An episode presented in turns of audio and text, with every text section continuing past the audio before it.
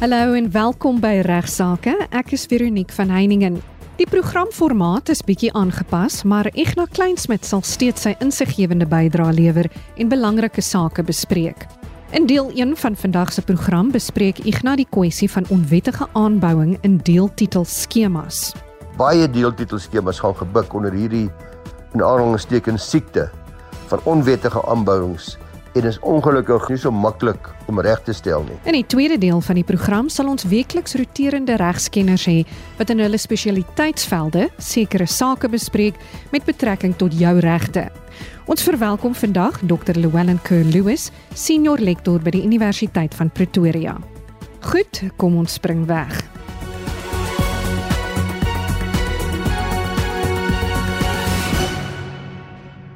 Ignas bespreek eerstens die kwessie van onwettige aanbouing en bietjie later praat hy oor of iemand wat in die buiteland woonagtig is, sy eiendom saam met sy burgerskap moet prysgee. Onwettige aanbouings is 'n groot kopseer in veral deeltitel ontwikkelingsskemas. Die gevolg is dat die trustees daagliks opstaan en 'n nuwe onwettige aanbouing in die gesig staar. Igna, ek het 'n e-pos van meneer van Stryp van die Kaap ontvang met 'n paar vrae juis oor hierdie onderwerp. Goeiemôre Veronique en goeiemôre aan al die luisteraars. Weereens wat 'n wonderlike voorreg om met julle te gesels. Die formaat van so bietjie verander vanaf vandag. Maar ek wil dag daarom net dankie sê aan Ina Strydom wat vir 'n lang tyd die aanbieder was. Dit was so lekker om met haar saam te werk. Maar ek sien baie uit daarna Veronique om ook saam met jou hierdie program aan te bied. Daar is soos korrek gebel deur RSG besluit om my bydrae tot die program te verminder tot 15 minute en uh die ander 15 minute sal dan deur Veronique gebruik word om met 'n spesialis gas te gesels oor 'n spesialis onderwerp in baie meer diepte. Nou meneer van Stryp het vir ons 'n briefie geskryf wat lees as volg. Hy sê dat daar by tuinroete 'n deeltitel eienaam gekoop en hy is ook nou verkies as trustee. Maar hy verhuur sy eienaam en hy's nie aldag seker wat presies daar aan die gang is by die kompleks nie. Maar daar's groot ongelukkigheid oor eenhede waar daar aangebou is, byvoorbeeld braaiplekke, afdakkies, sonkamers ensovoorts. Dit wil vir hom voorkom asof al die nodige goedkeurings, dis nou die goedkeurings van die trustees of dan die die beheerliggaam wat baie mense praat van die body corporate ook die munisipale goedkeurings nie altyd bekom is en word die aanbouings dan nou 'n groot kopseer vir die trustees wat dit handel met onderhoud, versekerings, heffings ensovoorts. En uh, van hierdie eenhede met die onwettige aanbouings is dan ook al weer herverkoop en dis die huidige eienaars nie altyd geneem die saak reg te stel nie want hulle was nie eers bewus daarvan dat dit onwettig was nie. Nou vra hy, dis die vraag, wat staan trustees te doen? Hoe maak ons nou om hierdie aanbouings goedgekeur te kry? Moet ons nuwe deelplanne laat opmeet. Hoe kan ons hierdie goedkeurings afdwing? Kan ons spesiale vereistes op die uitdaringssertifikate aanbring voordat oordragskoste betaal of kan geskied met die verkoop van die eenhede? Of is die uitdaringssertifikaat net vir die gelde wat uitstaande is? Nou soos gewoonlik het ek sake van hierdie aard dat die my eh, spesialis hulp hier Rustenburg verwys naamlik Retief von Willig uh, doen hierdie uh, bestuur van deeltitel eenhede met sy maatskappy en uh, hy's beslis 'n spesialis. Nou hy sê ook dat onwettige aanbouings is nie net 'n kopseer vir meneer van Gryp nie, maar uh, baie deeltitelskemas gaan gebuk onder hierdie in aanhalingstekens siekte van onwettige aanbouings en is ongelukkig meer van stryp en ander luisteraars nie so maklik om reg te stel nie. Hy vra of uitklaringe weerhou kan word indien eenhede verkoop word waar onwettige aanbouings plaasvind. Die kort antwoord is beslis nee. Indien 'n eienaar se heffings op datum is, dan moet die trustees sy heffingssertifikaat uitreik. Wet is daaroor duidelik. Die trustees moet egter voor registrasie sê retief van die eiendom die voornemende koper inlig dat hy inspreeklik gehou gaan word om die planne en toestemming te kry om die aanbouing te wettig. Gewoonlik maar kom die partye in praktyk ooreen dat die toestemmings en planne verkry sal word net om die transaksie te red. Maar wat 'n gedagte gehou moet word, is dat die voornemende koper indien hy wel sou besluit om voort te gaan met die transaksie, hy dan die risiko loop dat die onwettige aanbringings moontlik verwyder sou moet word. Hy gaan dus moontlik vir iets betaal wat hy nooit gaan besit nie. Nou daar's 'n nuwe wet op eiendomspraktisyns wat hierdie jaar in werking getree het. En daai wet plaas 'n baie duidelike verpligting op verkopers om voornemende kopers skriftelik daarop attent te maak dat daar aangebou is in die eenheid dat hulle waarborg dat die aanbouings wettig is. So alle trustees in die land luister baie mooi. Die nuwe wet op eiendomspraktisyns sê die verkoper moet die koper skriftelik daarop attent maak dat daar aanbouings is wat nog nooit goedgekeur is nie of dat die aanbouings gewaarborg word dat hulle wettig is. Nou in Retief se opinie ontstaan hierdie ongelukkige situasies as gevolg van die feit dat eienaars heel dikwels nie besef wat deeltitel eienaarskap beslis behels nie en die vraag wat gevra moet word, wat besit jy werklik in 'n deeltitel eienaarskap? Nou let wel, in deeltitel eienaarskap is dit 'n eienaar slegs die binnekant van sy eenheid die gedeelte dis tussen die vloere, die mure en die plafon. Die oomblik wat jy by die voordeur uitgaan, daai selfe oomblik betree jy die gemeenskaplike eiendom wat aan al die eienaars behoort. Dit is natuurlik saam met hulle deelnemingskwotas van die res. Nou baie eienaars staan regtig verstom wanneer hulle besef dat hulle nie die hele gebou, die binne en die buitekant, is ook die dak, die tuin, die grensmure ensovoorts besit dat hulle daarmee kan doen wat hulle wil nie. Onregmatige aanbouings en strukture skep baie probleme onder andere Die strukture word op gemeenskaplike eiendom opgerig wat nie aan die eienaar behoort nie. Niemand bou tog 'n garage vir woonkamer by die sypaadjie voor sy huis nie. Ons sal dit nooit doen nie, maar in deeltitelskemas bou mense wel op die gemeenskaplike grond met die idee dat uh, hierdie struktuur nou aan hulle gaan behoort wat natuurlik glad nie die geval is nie. Sodra iemand aan sy eenheid aanbou, dan moet die deelnemingskwota aangepas word. Met ander woorde die deel wat aan hom behoort en die deel wat dan nou aan die gemeenskaplike eiendom behoort.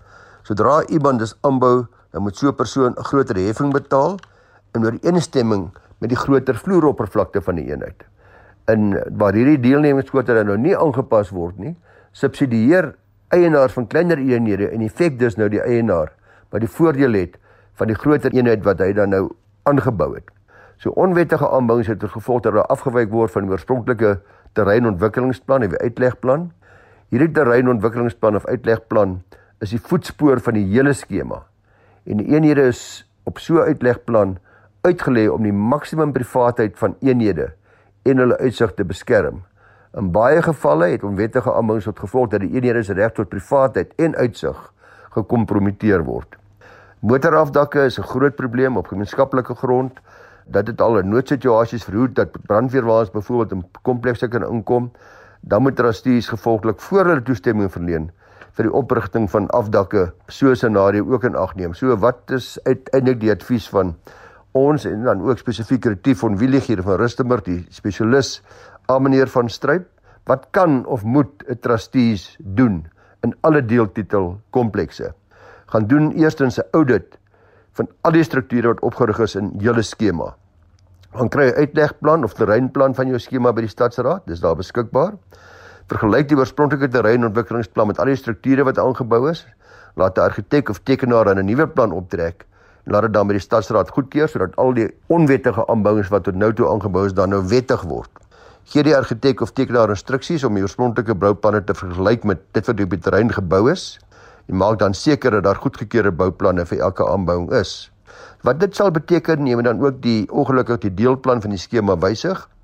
Dit help niks as jy ten duurste garage vir kamer aangebou het, maar dis nie op jou naam nie. Die strukture wat jy gebou het word eers by jou eiendom die dag as jou eenheid se deelplan en titelakte gewysig word. So baie kooptransaksies lei skibreek juis omdat die deelplanne nie gewysig is nie en trustees moet dit maar ongelukkig doen omdat voornemende kopers in hulle banke by registrasie van eenheid agterkom dat die aanbouings nooit 'n bedeelplan aangebring is nie, skep dit groot probleme en soos reeds gesê, 'n landbeter moet maar opdrag gegee word om hierdie deelplan te wysig. As hy dit nou gedoen het, dan moet 'n prokureur opdrag gegee word om die wysigings teen die titelakte, jou titelakte, jy wat die onwettig aangebou het of op versoek aangebou het, te laat noteer. So is 'n lang storie luisteraars, maar baie duidelik dat waar daar onwettige aanbouings is, skep dit baie baie groot probleme vir die verkoper en vir die koper en vir die beheerliggaam en die individuele trustees. So ek dink dit sou goed wees as trustees maar 'n kenner kry, spesialis kry en al die stappe neem wat ek nou voorgestel het uh, op advies van Retief van Wiedegie van Rustenburg, die eienaars bestuursman om seker te maak dat almal in die skema beskerm word. Dankie ook Retief. Nou ja, Ignou, ons het nog 'n e-pos ontvang, die keer deur Dimitri van Munich, Duitsland. Hy wil weet wat gebeur met vaste eiendom indien jy Suid-Afrikaanse burgerskap verloor. Ek het hierdie vraag van Dimitri ook bespreek met Volker Kreer, die spesialis op boedels en ook buitelandse boedels hier in Rustenburg by Van Velden en Duffy en hy sê hy kan die luisteraar gerus stel. Eerstens, 'n buitelander mag grond of ander bates in Suid-Afrika besit. Dit geld ook uh, vir 'n geval waar iemand grond besit en dan sy burgerskap opgee of vir watter rede ook al sy burgerskap verloor. Die verloor van burgerskap luisteraars en Dimitri uh, beïnvloed dus as 'n reël nie die eienaarskap van bates in die land nie. Dit beïnvloed ook as 'n reël nie die afdwingbaarheid van enige ooreenkomste wat daardie persoon gesluit het nie. Volker wys ook op dit geld ook vir leweringsversekeringskontrakte alhoewel dit nou nie gevra word nie, maar is belangrik vir almal om te kennis te neem dat as die persoon wie se lewe verseker is, dis tot sterwe kom en die premies is op datum betaal, dan behoort die versekeringsmaatskappye nog steeds uit te betaal. Die luisteraar wil ook weet wie die besonderhede van die eienaar by die akteskantoor opgedateer moet word as die persoon byvoorbeeld nie meer 'n ID-nommer het nie. Nou alhoewel die akteswet inderdaad vir so aansoek om die besonderhede op te dateer voorsiening maak. So mens kan om dit baie netjies te doen kan mens wel dit by die akteskantoor gaan regmaak, maar dis nie 'n vereiste om jou eiendomsreg te behou nie. Jy verloor nie jou eiendomsreg as jy dit versuim om te doen nie. Uh, dit sal maar gewoonlik gedoen word wanneer die eiendom eendag oorgedra word. Alhoewel daar sprake was van sulke wetgewing, is daar nog op hierdie stadium geen verbod op buitelanders om grond in Suid-Afrika te koop nie, maar hoor ek gereeld sulke politieke geleide. Ons word verloops ook dikwels luisteraars en Veronique in sulke gevalle gevra of die koper die koopkontrak in die buiteland kan teken en waar spesiale vereistes in hierdie verband nagekom moet word. Ek stem saam met Volker dat die ondertekening van die koopkontrak is 'n eenvoudige proses. Dit kan byvoorbeeld per e-pos na die buiteland toe gestuur word. Dit kan daar uitgedruk word, geteken word, eh, geskandeer word en weer per e-pos teruggestuur word sodat die verkoper hierdie kan weer die kontrak in uitdrukking kan teken. Dis nog steeds 'n geldige kontrak in ooreenstemming met artikel 2 se artikel 1 van die Wet op Vervreemding van Grond. Die ondertekening van die transportdokumente later in die proses is wel 'n bietjie meer ingewikkeld. So byvoorbeeld met die dokumente in sekere gevalle by die Suid-Afrikaanse ambassade in daardie ander land geteken word in hulle teenwoordigheid, maar jou uh, transportbesorger wat vir jou help of uh, baie mense praat van die aktevervaardiger sal egter sorg dat daardie proses baie vlot verloop. Net vinnig ter afsluiting, net 'n bietjie goeie nuus of dink nuus wat vir my bevredig en hopelik vir u as luisteraars ook, is dat die 30ste Maart baie onlangs hierdie jaar het Landros Emmanuel Magampa gehandel met twee bedrieërs wat 35 miljoen rand gesteel het vanaf Eskom. Hy het vertel dat hy regtig dink dat hulle misdaad veragtelik is en luister mooi Moraka Eskom se vorige finansiële beheerder en sy vriend wat die geld ontvang het saam met hom het elkeen 'n 20 jaar tronkstraf gekry vir hierdie bedrogspel van hulle wat oor 32 maande gebeur het wat baie eenvoudig is wat baie bedrog vind plaas op hierdie wyse naamlik daar word valse maatskappy gestig en 'n verrekening bestig en dan word die uh, een party binne betaal dan aan sy vriend buite sogenaamde bedrae wat verskillig is terwyl die werk nooit gedoen was nie. So lekker vir hulle uh, eh, 35 miljoen gesteel, maar elkeen gaan in die tronk sit vir 20 jaar. Groete aan almal en ek sien saam daaruit om na die spesialis gas wat Venoriek gaan voorstel te luister. Dankie soos altyd aan jou Igna en Retief asook Volker Kreur vir julle insette in vandag se program. Ons praat nou met Dr. Llewellyn Kerr-Lewis oor wat jou te doen staan indien iemand jou sou aanrand. Dr. Kerlewis, wat presies is aanranding? Die omskrywing van gewone aanranding kan min of meer as volg opgesom word. Dis die opsetlike, wederregtelike, met ander woorde regstreekse of onregstreekse toevoeging van geweld aan die liggaam van 'n ander persoon of die poging of bedreiging daarvan deur middel van enige handeling of gebaar om sodanige geweld aan die liggaam van 'n ander persoon toe te voeg waar die dader onmiddellik oor die vermoë beskik of die ander persoon redelikerwys onder die indruk gebring word dat daardie persoon oor die vermoë beskik om sy dreigement uit te voer. Hierdie omskrywing van aanranding is afkomstig uit die Engelse reg. Die breëre misdaad injuria van die Romeins-Hollandse reg het ook ingesluit die inbreukmaking op liggaamlike integriteit, sogenaamde dignas infama. Maar in ons reg is dit vereng tot die skending van slegs die fama, die sogenaamde lasteraspek en corpus wat uiteindelik aanleiding gegee tot aanranding en 'n selfstandige en afsonderlike misdaad ontwikkel het. Goed. En wat is aanranding met die doel om te beseer? Hierdie terminologie word dikwels gebruik in hofsaake en ons lees gereeld daarvan in koerante. Onder die invloed van die Engelse reg is benewens gewone aanranding as 'n selfstandige en afsonderlike misdaad die sogenaamde gekwalifiseerde aanrandings as deel van ons reg aanvaar. Die gekwalifiseerde aanrandings is nie bloot ernstiger vorms van gewone aanranding nie, maar inderdaad aanrandings gerig op die pleeg van ernstiger misdade. In hierdie verband word onderskei tussen aanranding met die doel om te moor, aanranding met die doel om te verkrag, aanranding met die doel om te roof, aanranding met die doel om ernstig te beseer ensovoorts. Kan jy asseblief vir ons luisteraars onderskei tref tussen regstreekse en onregstreekse toevoeging van geweld en 'n voorbeeld noem? Vir die doeleindes van 'n skuldige bevinding aan aanranding maak dit nie saak of die geweld regstreeks of onregstreeks toegevoeg is nie. In die meeste gevalle word geweld regstreeks toegevoeg, soos 'n vuishou of 'n skop, maar dit kan ook onregstreeks toegevoeg word, soos om 'n trein te laat ontspoor of 'n stoel waarop iemand wil gaan sit weg te trek sodat die persoon op die vloer val. In die saak van Marx byvoorbeeld, het 'n meneer X byvoorbeeld glase wyn aan jong kinders gegee om te drink. Die kinders het dit gedrink en daarvan siek geword. Meneer X is byvoorbeeld in daardie geval skuldig bevind aan aanranding. Daar is al dikwels verklaar dat 'n blote dreigement van geweld genoegsaam is om aan aanranding skuldig bevind te word. Is dit so? Die kort antwoord is dit is korrek. Kom ons vat 'n voorbeeld. Gestel meneer X verklaar aan meneer Y wat byvoorbeeld blind is en hy sê vir hom: "Ek gaan hierdie mes wat ek in my hand het in jou borskas steek." As gevolg van die dreigement skrik meneer Y. Meneer Y is 'n tingerige geboude persoon en hy gaan in die bewe. En eers nadat iemand anders aan hom 'n kalmeermiddel toegedien het, herstel hy weer. Kom ons sê meneer X het in werklikheid niks in sy hande gehad toe hy op Y geskree het nie. Nou is die vraag, het hy op enige stadium enige werklike geweld toegevoeg? Gestel verder meer dat meneer X se optrede teenoor Y wetregtelik was en dat dit nie vooraf gegaan is deur enige vorm van provokasie deur meneer Eynie. In hierdie feite stel is daar geen sprake van regstreekse of onregstreekse daadwerklike toevoeging van geweld nie.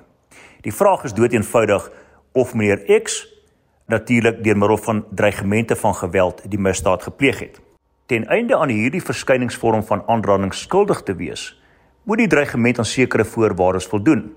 Dit moet eerstens 'n dreigement van persoonlike geweld wees, Dit wil sê geweld teenoor meneer Eys se liggaam en nie byvoorbeeld teenoor sy besittings nie. Tweedens moet dit 'n dreigement van onmiddellike geweld wees en nie byvoorbeeld 'n dreigement om slegs hy eendag in die toekoms leed aan te doen nie. Verder moet meneer Y, die sogenaamde bedreigde persoon, natuurlik geglo het dat meneer X van plan is om sy dreigement uit te voer en ook dat hy in staat is om dit te doen. Die kern van hierdie vorm van aanranding is natuurlik die opsetlike opwekking van vrees by meneer Y.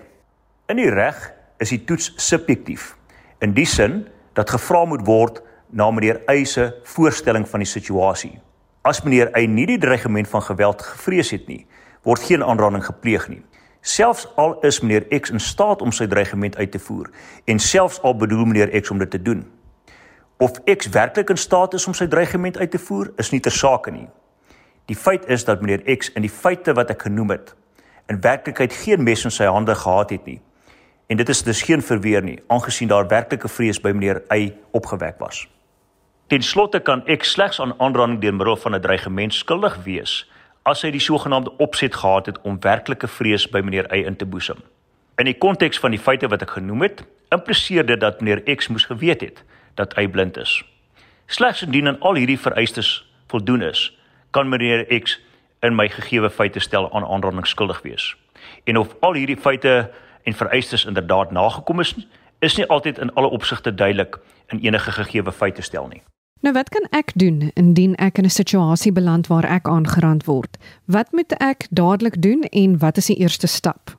Wanneer jy die slagoffer is van 'n aanranding, is die eerste ding natuurlik om eers daardie beserings na om te sien. Met ander woorde, ek sal voorstel dat jy onmiddellik mediese hulp inroep, gaan na 'n dokter toe en sorg dat daardie wonde verpleeg word.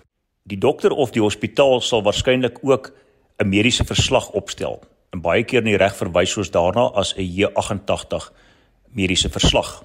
Dit is uiteraard ook 'n baie goeie idee om soveel foto's as moontlik te neem van die beserings waar dit opgedoen is en presies die omvang daarvan. Hierdie foto's of videomateriaal kan later in 'n hofsaak gebruik word om jou saak te bewys. Het sy dit natuurlik in 'n siviele eis vir skadevergoeding gebruik gaan word of in 'n moontlike strafsaak ter vervolging van die misdadiger. Laastens stel ek voor dat jy daarna die polisie nader en 'n klagte van aanranding gaan open by jou naaste polisiestasie. Die aangeleentheid sal ondersoek word en op 'n stadium sal jy opgeroep word om getuienis in die hof te kom lewer teen die beweerde beskuldigde. Baie dankie Dr. Llewellyn Kerr-Lewis vir jou deelname in vandag se program. Ek is maandag weer terug met nog regsaake en indien jy e-pos wil stuur in verband met vandag se program, kan jy dit gerus na my toestuur by vero@rsg.co.za. Van my Veronique van Heiningen groete tot volgende week.